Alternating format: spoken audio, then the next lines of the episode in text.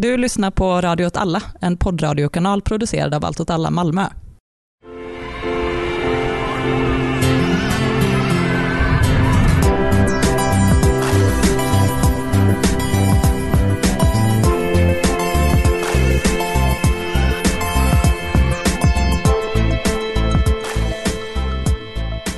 Välkommen till ett nytt avsnitt av Radio åt alla. Eh, Det här är inte ett avsnitt som är en del av någon serie, utan ett fristående avsnitt utifrån en bok som vi har läst. Eh, Den handlar om begreppen glädje eller lycka och heter Radical Happiness, Moments of Collective Joy, som är skriven av Lynn Segal. Med mig idag har jag Alva Hallå! och Martin. Hej hej! Och jag heter Hector. Hej Hector. Hej! Martin, då får du börja med att berätta lite vad, det, vad är det här för bok egentligen och varför har vi eh, läst den? Ja, det är en bok som har kommit ut ganska nyligen, om det var förra året eller förra, förra året, det vet jag faktiskt inte. Men eh, jag upptäckte den, eh, eller vi upptäckte den när vi eh, lyssnade på eh, Acid Kommunism FM som Novara Media har. Där de har eh, en programserie där de just utforskar lite av de här eh, teman, alltså om hur glädje och lycka kan vara en del av en politisk kraft. De pratar till exempel om begrepp som the weird left, eh, alltså den konstiga vänstern, om man direkt översätter det. Eh, lite felaktigt kanske, men... Och där är just det här konstiga och annorlunda en viktig del av den politiska praktiken. Så det var kul att läsa en bok som var som handlar om det här, men också att eh, eh, ofta när jag håller på med politik så kan man känna att det är, att det är lite glädjedödande helt enkelt. Alltså man går på något tråkigt möte och sen gör man någon tråkig grej för att man känner plikt för att göra det. Så jag tänker, den här boken kan vara, tänkte jag när jag läste den i alla fall, vi kanske kommer in på vad vi tycker om den sen, men eh, att det kunde vara en, eh, ett sätt att hitta inspiration att göra politik på ett annorlunda Mm. sätt. Och vi ska börja lite bara och gå igenom vad boken handlar om. Den är eh, inte jättelång men heller inte jättekort. Liksom ganska lång och, och belyser en, ganska, en rad olika teman. Och man kan säga att den börjar med att belysa samtiden på något sätt och hur begreppet glädje ser ut i ska man säga, den samtida kapitalistiska samhällsmodellen. Eh, och vad kan vi säga med det? Vad vill hon få sagt?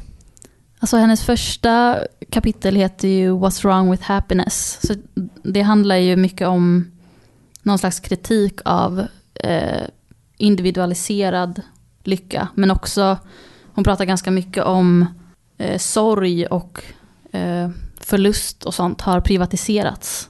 Privatiserat lidande, skriver hon mer. Jag tänker att det handlar mycket om den här eh, individuella strävan efter sin egna lycka. Alltså att göra en karriär, eh, göra en klassresa, göra en bostadskarriär. Och eh, när man misslyckas med det så har man bara sig själv att skylla. Mm. Och eh, man är också, man känner sig ensam Mm. i det Mm. misslyckandet.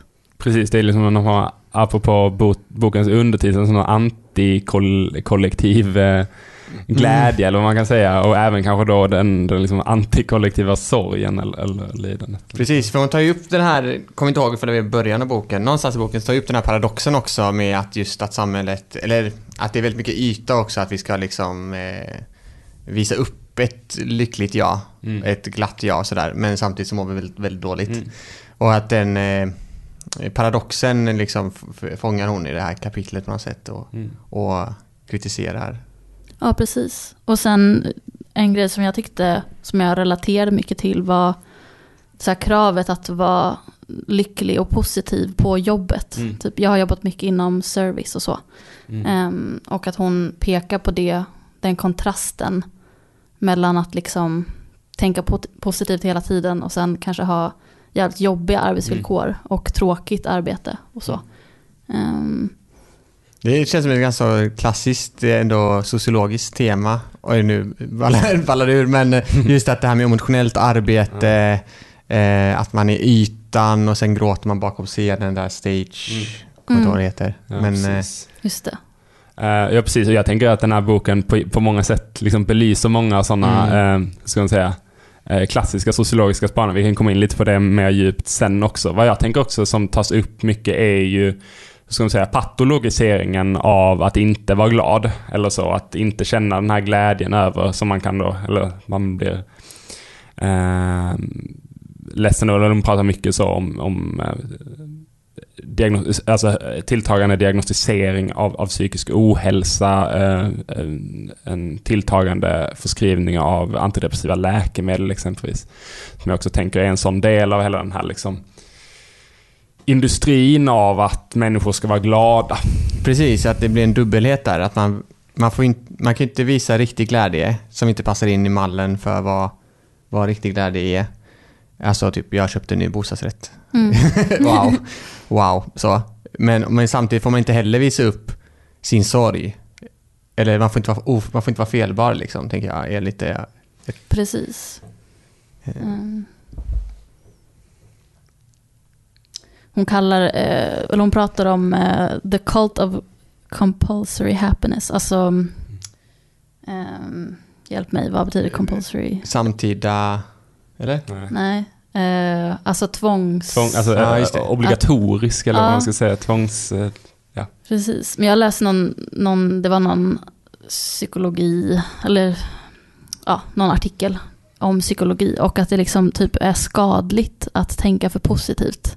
För att det liksom är så jävla långt ifrån verkligheten. Eller verkligheten är Det är inte... hemskt. ja men den, den är liksom inte bara positiv. Och det är också dåligt att tänka bara negativt, Mm, för den är inte bara såklart. negativ. Men liksom den här tvångsmässiga eh, positiva tänkandet. Jag, jag tycker hon tar upp det en del också. Och att det är ganska eh, jobbigt. Hon beskriver också att eh, Amazon, eller folk som jobbar på Amazon lager har upp, beskrivit sitt arbete som en soul crushing experience. och det är också så här relaterbart. Ja, verkligen. verkligen. Det är väldigt många jobb man har känt när man har cyklat dit och så luktar det bränt. Mm. Så känner man, fan hoppas att det är mitt jobb som brinner. Eller typ hoppas jag blir påkörd på väg till jobbet. Men sen på Instagram så lägger man upp en bild när man är glad.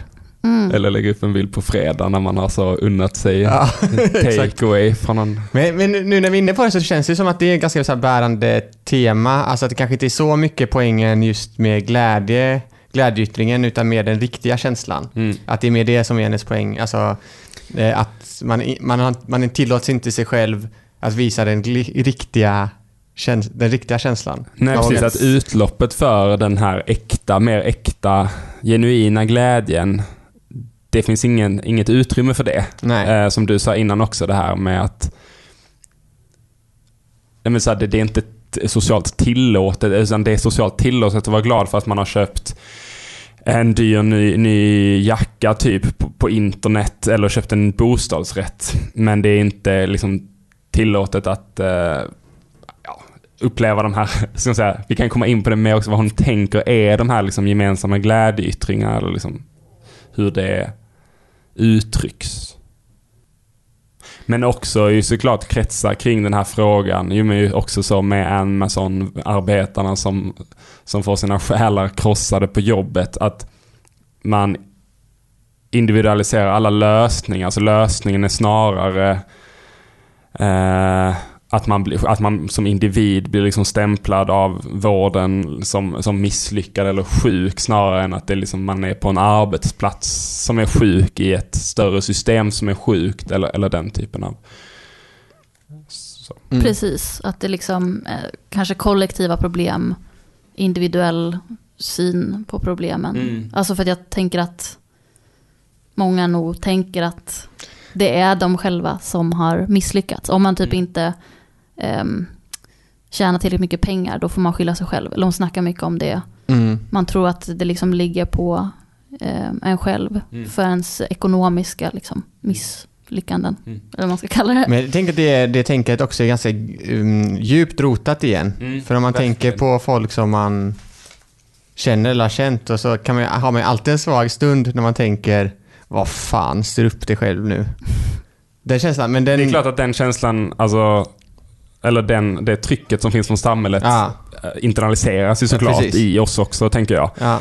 Eh, och Jo, men det är ganska intressant just Ja, att, ja, man, verkligen. att man verkligen inte vill tänka det, men man kan liksom inte låta bli för att man är så fullpumpad med, med den ideologin att man ska vara sin egen lyckas med. Mm. Om man inte är det, ja men då får man medicin för det. Mm. Och så är det bra sen. hon tar ju också upp, hon tar upp de här liksom grejerna kring ens arbetssituation, ens finansiella situation, eh, bostadssituation. Men hon tar också upp i ett av de tidigare kapitlen liksom en ganska grund, eller om man tänker kring lycka och kanske hur lycka porträtt- porträtteras i populärkultur och så vidare. Så tar hon ju upp det här begreppet i kontrast till kärleksrelationer eller liksom Mm. relationer. Hon kretsar mycket kring, kring både vänskapsrelationer men tar ju också specifikt upp kärleksrelationer och hur den här glädjeindustrin, som hon väljer att kalla det, påverkar eh, våra kärleksrelationer. Och vad, vad skriver hon om det? Att där också är det ju en, en industri som byggs upp kring den perfekta relationen och ett ständigt strävande efter relationen. Men man hon kommer ju från en feministisk bakgrund, så hon har också varit med i en rörelse, eller andra vågens feminism tror jag det är, eh, som också problematiserade den eh, kärnfamiljen, men också var väldigt mycket så sexuell frigör- frigörelse och så, och upptäckte också den baksmällan som det innebar att försöka göra det här i ett patriarkalt samhälle. Men eh, ehm, då, då är det också att, vad, så hennes frågeställning är ju mer, vad är då kärlek egentligen liksom? Är kärlek någonting man vinner genom en ständig kamp för att hitta den perfekta partnern eller är det något helt annat? Eh, och och det hänger ihop ganska mycket. Vi kommer ju snart komma in på glädjen hoppas jag, för det är vi i Ja, de mörka precis. hörnen i världen. Du kan komma in på glädje när du vill, tänker jag. Men hon har ju, hennes tredje kapitel heter ju Where is Joy? Och då tycker jag att hon letar efter glädje lite. Hon pratar Mm. mycket om karnevaler och lite så här kulturvetenskaplig syn. Jag tycker att hon har liksom, eller överlag i boken är det väldigt många olika exempel från, alltså många olika perspektiv. Ehm, Det känns som att det är också lite bokens tyngd, alltså att den blir tung att läsa för att det är, det är lite aparta citat här och där och sen Mm. kastar hon in en dikt kanske och så eh, går, går hon hade kanske tjänat på att inte behöva påvisa att hon är så himla, himla, himla, himla påläst. Jag jag. tänker också att det är svårt om man har levt ett sånt liv som Ja, hon verkar ha levt och hon, hon är 76 idag. Eh, så då kan jag också fatta att Ja, man bara verkligen. så vill få in alla sina härliga referenser och Ja. eh, erfarenheter. Men det med karnevalen är ju intressant som ett Mm. uttryck av den kollektiva glädjen. mm. För det, det här är också eh, Men om vi pausar bara, vad är, när du säger karneval, vad innebär karneval? Det här bygger på att man eh, i studier egentligen av eh, den medeltida kulturen så hittar man ett moment i den här feodala världen då, där kungen hade den absoluta makten och var den absoluta suveränen under Gud.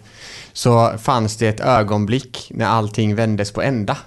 Och det var karnevalen, det var liksom ett ut, då fick narren klä ut sig till kung, liksom, män hade kvinnokläder på sig, det var helt crazy. Sådär. eh, och i, i den här stunden så skapades ju någonting helt annat. Det vände liksom hela ordningen upp och ner. Och jag tycker hon gör en viktig poäng för det, det finns ju också en tendens att, inom vissa strömningar inom vänstern att romantisera karnevalen också. Men det är ju också en plats där det händer mycket skit liksom för att det är ett undantagstillstånd.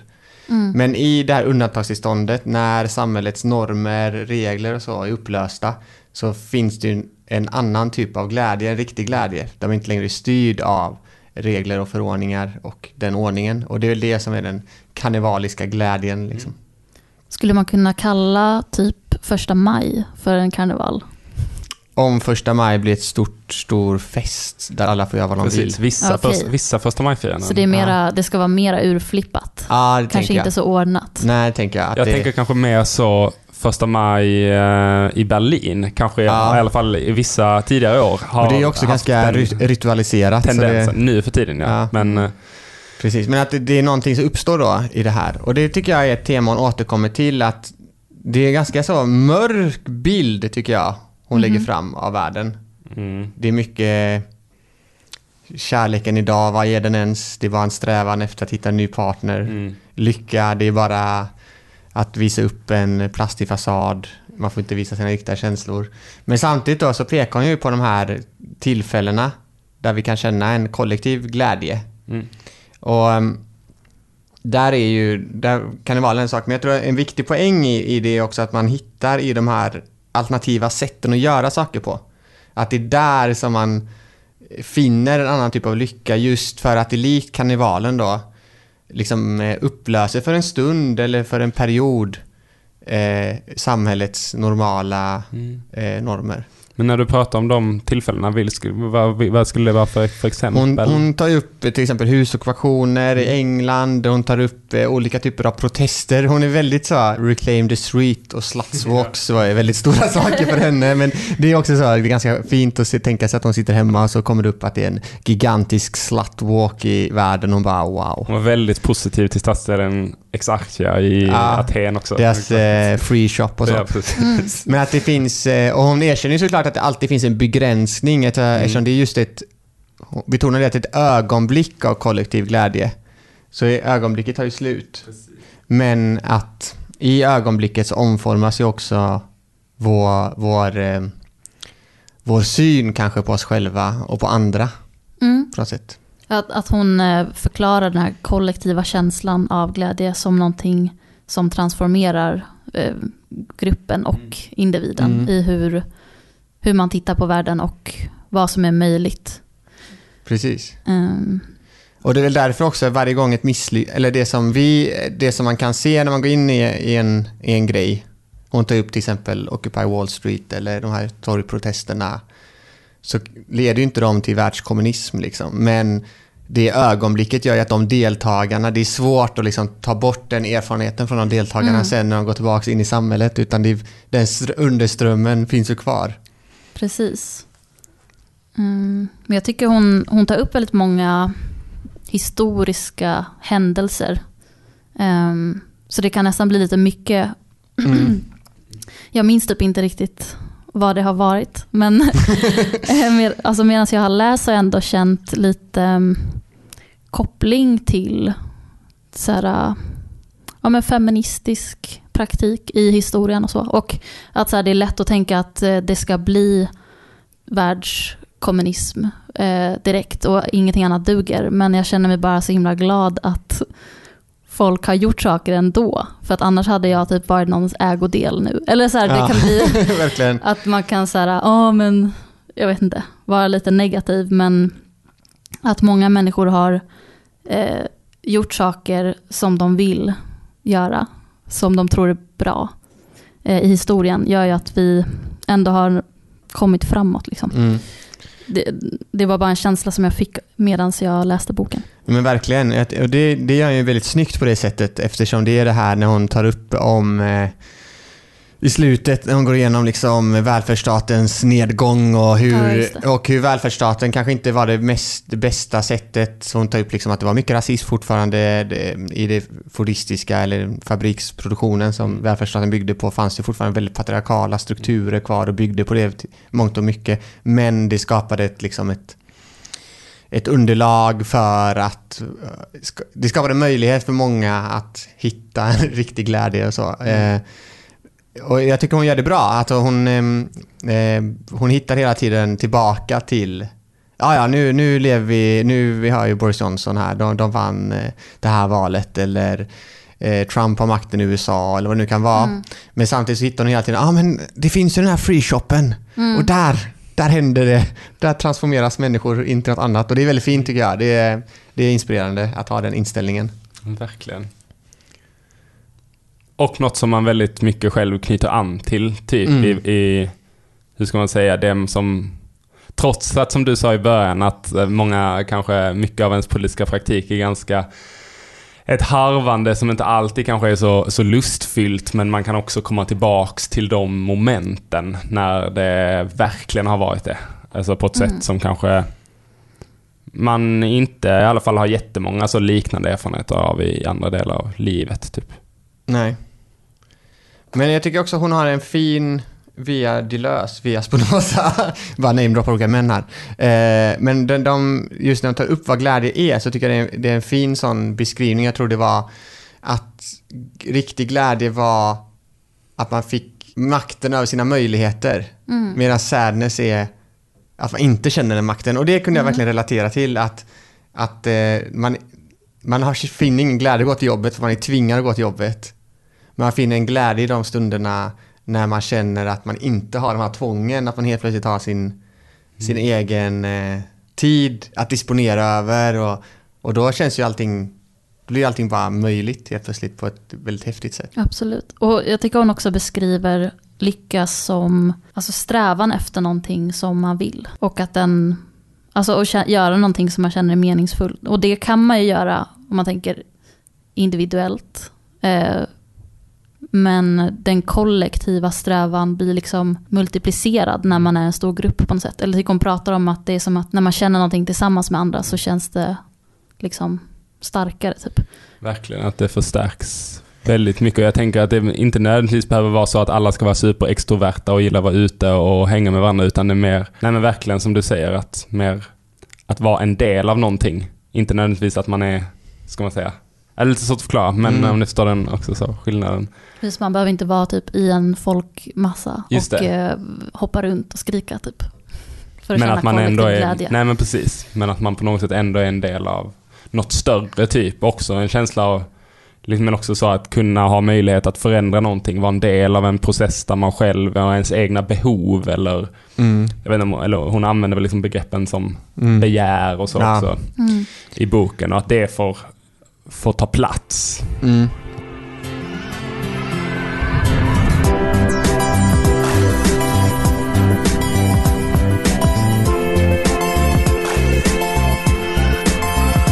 Men jag tycker det är, man, borde, man borde ta lite lärdom av just den delen av 70-talet eh, och 80 och 90-talet och idag kanske. Men när det är just den här, alltså förstå begränsningen, alternativ livsstil men också se eh, det just på det här sättet, att det är en transformativ praktik. Alltså att när man mobiliserar mo- mot ett eh, kolkraftverk, så visst, vi kanske stoppar kolkraftverket.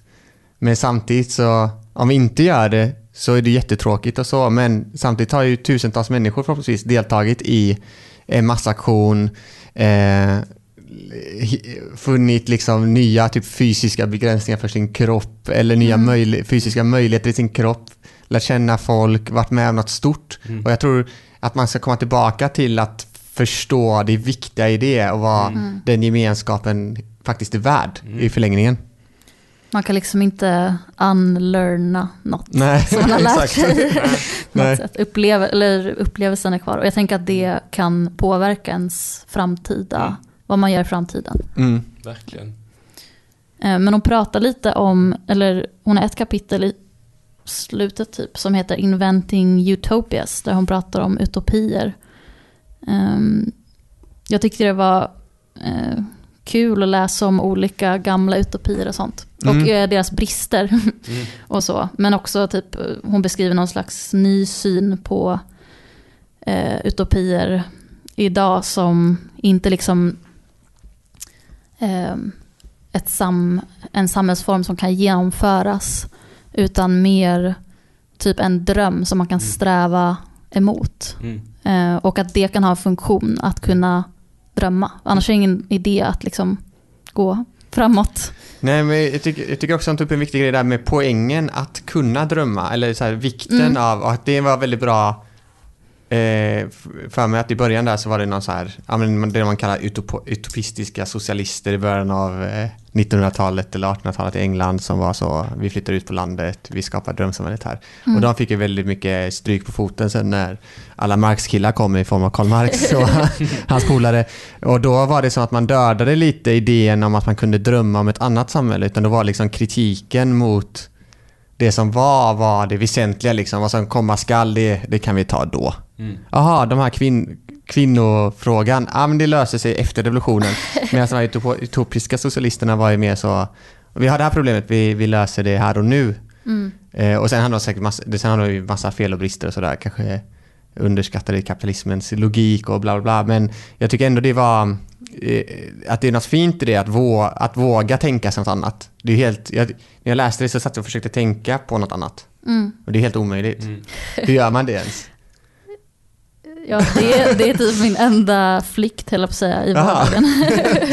eller jag tänker att det är som att eh, komma på någon fiktion eller så. Mm. Att man bara hittar på något. Typ. Ja, precis. Men jag, jag fastnar alltid på så här, okej, vi- man vill inte ha arbete, man vill inte ha arbete som någonting som ska finnas, men hur, hur ska det som måste göras göras? Ja, Eller det. hur, hur ska Och jag tycker man är så låst i att förstå världen på ett annat sätt än hur den är beskaffad. Liksom. Men det är kul. Jag tror att jag markerade det här i min Google Book. Obehagligt Ja. eh, att jag läser i Google. Men... Det är i alla fall inte Amazon. nej. Amazon Books. Kindle. Kindle. Eh, Just det, Jag läste Amazon. den i Kindle. Nej, fy fan. Jag tror det. Eh, Men det är bra för det har varit många så här eh, gammeldags brittiska ord som jag inte riktigt har förstått. Och då kan man bara trycka på ordet Ah, och så det. kommer det upp en definition. Sponsrade Men- av Google Book. Precis. Ehm, Så de kan verkligen manipulera mig hur de vill nu. Mm. Men, ja, jag hittar inte. Men jag tror att hon skriver någonting om att ehm, det krävs lite så här naivitet för att Mm. kunna drömma och eh, tänka på utopier och sånt. Och mm, du kanske har läst för mycket. det kan vara så. Det kan faktiskt vara så. Eh, för att jag brukar bara tänka så här, ja men tänk om alla bara delade lika på det som behövde göras och sen var man ledig. Att det Mm. kan vara så här Ja, skönt jo. att typ ha ganska precis. enkla förklaringar. Jo. Så, ehm, Men det är väl det, och det kommer väl tillbaka, eller det, den svårigheten att kunna tänka bortom det kommer väl tillbaks till hur begränsad och formad man är av vad samhället säger åt en är möjligt. Mm. mm. Eller så man har ju de tillfällena när man, där, där, där karnevalen uppstår, där på Ja. något sätt s- samtidens regler upplöses framför ens ögon och man kan liksom leva några timmar någon helt annanstans eller så. Och då menar jag inte att vara på typ rave, men... eh, Det varit rave, skulle jag säga. Jag vet inte, det brukar inte vara på rave. Eh, aldrig på rave. Eh, Men det kan också vara en eh, stor mobilisering till någonting. till exempel mobilisering. Man pratar väl ibland om typ så Typ så gemensamt eh, kolla på sport till exempel Mm. ofta i former Ja, av, av karnevalen eller så. En, en läktare till exempel och stämningen på en sån där man plötsligt kramar folk man inte känner och man kan skrika till exempel Ja. en, ut det man känner. Alltså sådana Ja. saker. Mm. Eh, sådana moment finns ju i samhället och som är för jättemånga människor väldigt viktigt också. Jag tänker själva alltså att anledningen till att det heter karneval överhuvudtaget. Mm. Så, det finns ju karnevaler liksom. Ja. Som också är helt upp och ner vända liksom. Tillstånd. Eller jag har varit på karnevalen i Köln till exempel som är en vecka mitt i vintern. När he, en hel miljonstad är ute på gatan utklädda.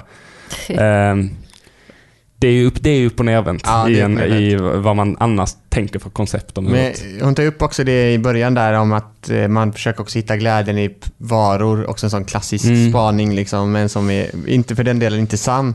Men då tar jag nu också upp eh, Londonupploppen 2008 där eh, människor eh, kände kanske kollektiv glädje då för att de helt plötsligt hade alla de här varorna. Kunde ta varorna. De kunde ta varorna, och, men också att de då bara slängde iväg vissa av dem för de behövde dem inte längre på samma sätt. Liksom. Och att det är också en del av eh, ett, ett karnevaliskt ögonblick Mm. där liksom Mm. även konsumtionen som är så stark ändå förknippad. Att det är liksom inte... Det visar så tydligt att det inte är själva produkten du köper utan det är mer strävan efter produkten du vill ha. Ja, och själva köpet. Och själva köpet. Eller ja. typ så att sitta och klicka på köp på internet Mm. vara är det som känns bra. Inte att få den vara och hämta den. Kanske vara och hämta den på posten typ, Ja. men inte att packa upp den åtminstone. Eller Nej. så. Uh, nej, det är ju superspännande att så man kan uh, tråna efter en, en, någonting och sen så när man går in i en affär så tar man det och slänger det. är väldigt, väldigt roligt.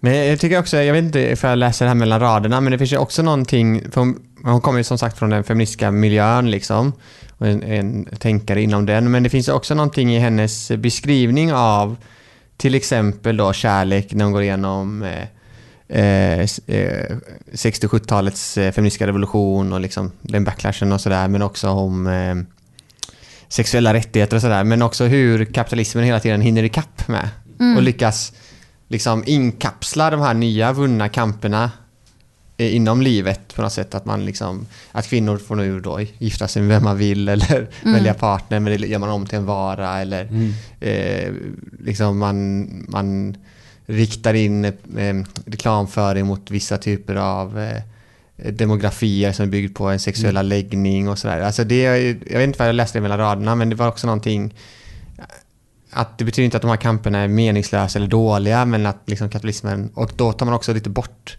typ lyckan, glädjen, den riktiga kärleken från, Mm. från, Mm. från de grupperna liksom genom att bara göra om dem till konsumenter eller till Just det. en fungerande Precis. individ.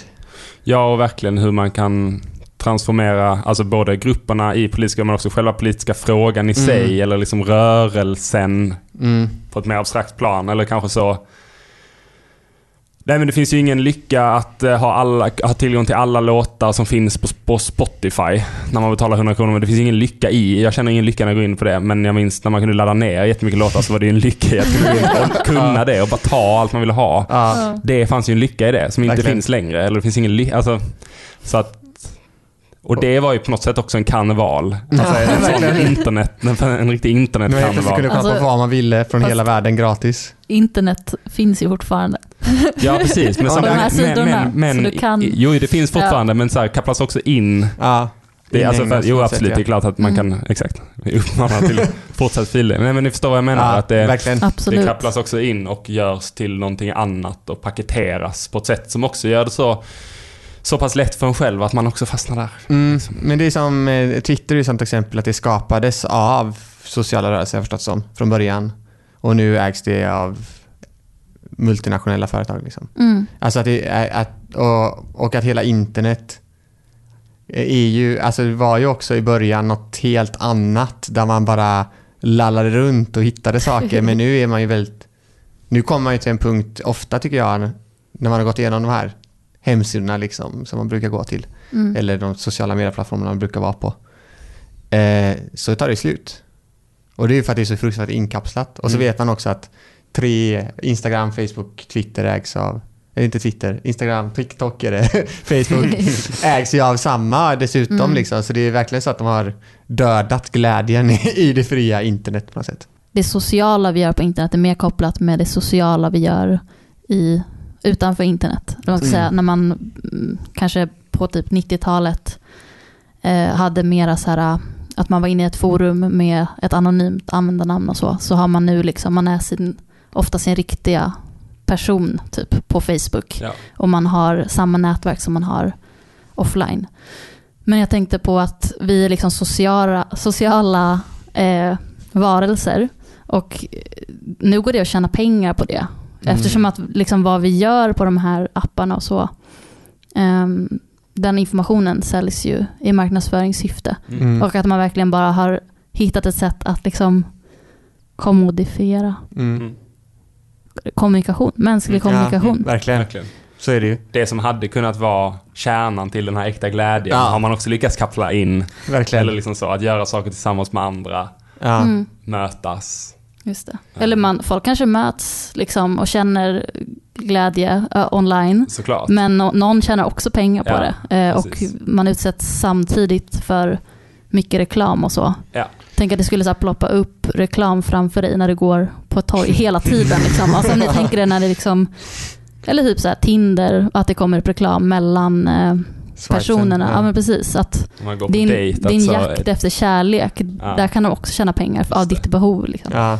Ja, Alla ens begär blir, blir på något sätt eh, inkapslade. Eller de Ja, försöker men inkapsla inkapslade och styrda. Alltså Ja. både inkapslade men också styrda liksom, Mm. av liksom alla de här... eh, Ja, Riktad Super. reklam och ja. sådär. Nu fastnar alla- vi i en sån digital eh, diskussion här. Ja. Google Jo men det, jag tycker ändå det har med det att göra för jag tycker det är, ja, men, om man ska säga då hennes sorgsna linje som är det här hur samhället är och hennes glädjelinje tycker jag lite går längs de motsättningarna. Mm. Mm. Alltså att det hela tiden finns tendenser för riktig kollektiv glädje eller riktig glädje eller lycka liksom, men att det hela tiden då, eh, inte hela tiden, men ofta liksom på något sätt eh, inhägnas av kapitalismen eller fångas upp eller görs en del av, av eh, hur man ska vara som en fungerande samhällsmedborgare. Alltså in, att det är en del av för när man känner, om man känner riktig gl- glädje så tar man en Instagram-bild och så lägger man upp den Mm. och så får man inte så många likes så blir man deprimerad. I korta, korta ordalag liksom. Att det är,